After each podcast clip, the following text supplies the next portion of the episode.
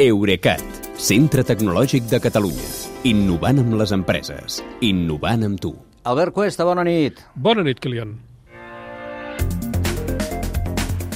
Avui anem de videojocs, de videojocs al núvol, i l'Albert Cuesta porta una sintonia sota el braç.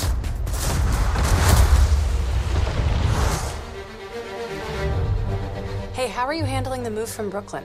I mean, Entenc que hem de jugar una partida una mica, no, Albert, això? En aquest cas de Spider-Man. De Spider-Man. Sí, i el posem perquè a partir del mes de juny i progressivament segons el país, el servei PlayStation Now de videojocs amb streaming s'integrarà en el PlayStation Plus de subscripció mensual, tots dos són de Sony.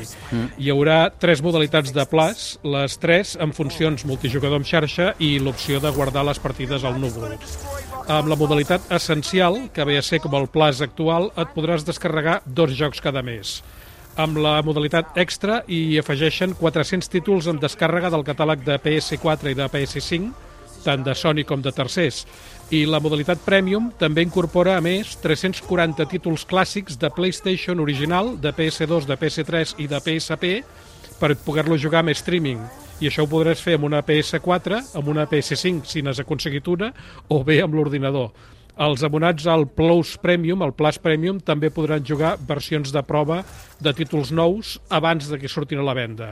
Eh, els preus de les tres modalitats van dels 9 als 17 euros mensuals i tenen descomptes si pagues a trimestre o anualment.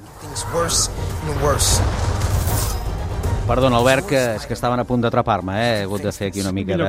Escolta'm, eh, aquest nou PlayStation Plus arriba per competir clarament amb l'Xbox Game Pass de Microsoft. Sí, i ja tocava, perquè tot i que Sony ven més consoles que Microsoft i té gairebé el doble d'abonats, el Game Pass s'emporta el 60% de la facturació total d'aquesta mena de serveis a Europa i a Nord-Amèrica, mentre que Sony només factura el 7%. Eh, de tota manera, s'haurà de veure com ho acullen els consumidors, perquè a PlayStation Plus sí que hi haurà alguns títols de primer nivell, com la saga de Spider-Man aquesta que estem sentint de fons, però els títols més nous no hi seran, mentre que els de Xbox Game Pass s'hi poden jugar des del primer dia.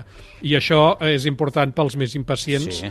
Sobretot des de que Microsoft va comprar Activision Blizzard, que ja en vam parlar aquí. Sí, eh, deixa'm ara fer-te la pregunta que sortia ja a la portada. Eh? Eh, uh -huh. Els videojocs poden anar o van pel mateix camí que la música amb Spotify, el vídeo amb Netflix? Farem el mateix o no? Aviam, les empreses ho voldrien, perquè els hi agrada més vendre't un, abon un abonament mensual que una caixa de tant en tant amb un joc de 60 o de 90 euros. Però és que els videojocs eh, són molt diferents de l'audiovisual.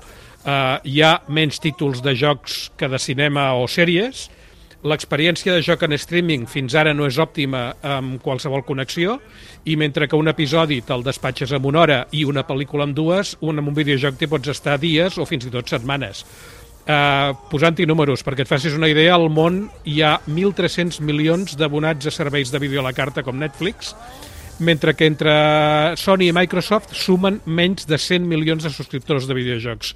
I encara, si afegeixes els abonats a Apple, Google Play, Electronic Arts i d'altres, les quotes de, de subscripció que paguen entre tots sumen 3.300 milions d'euros, que semblen molts, però només són els 4% dels 73.000 milions que els, els gamers eh, gasten cada any amb discs, descàrregues i compres de complements tipus nivells, insígnies o vides extra a dins dels jocs. Unes compres de complements que pel que veig són l'autèntic negoci, eh?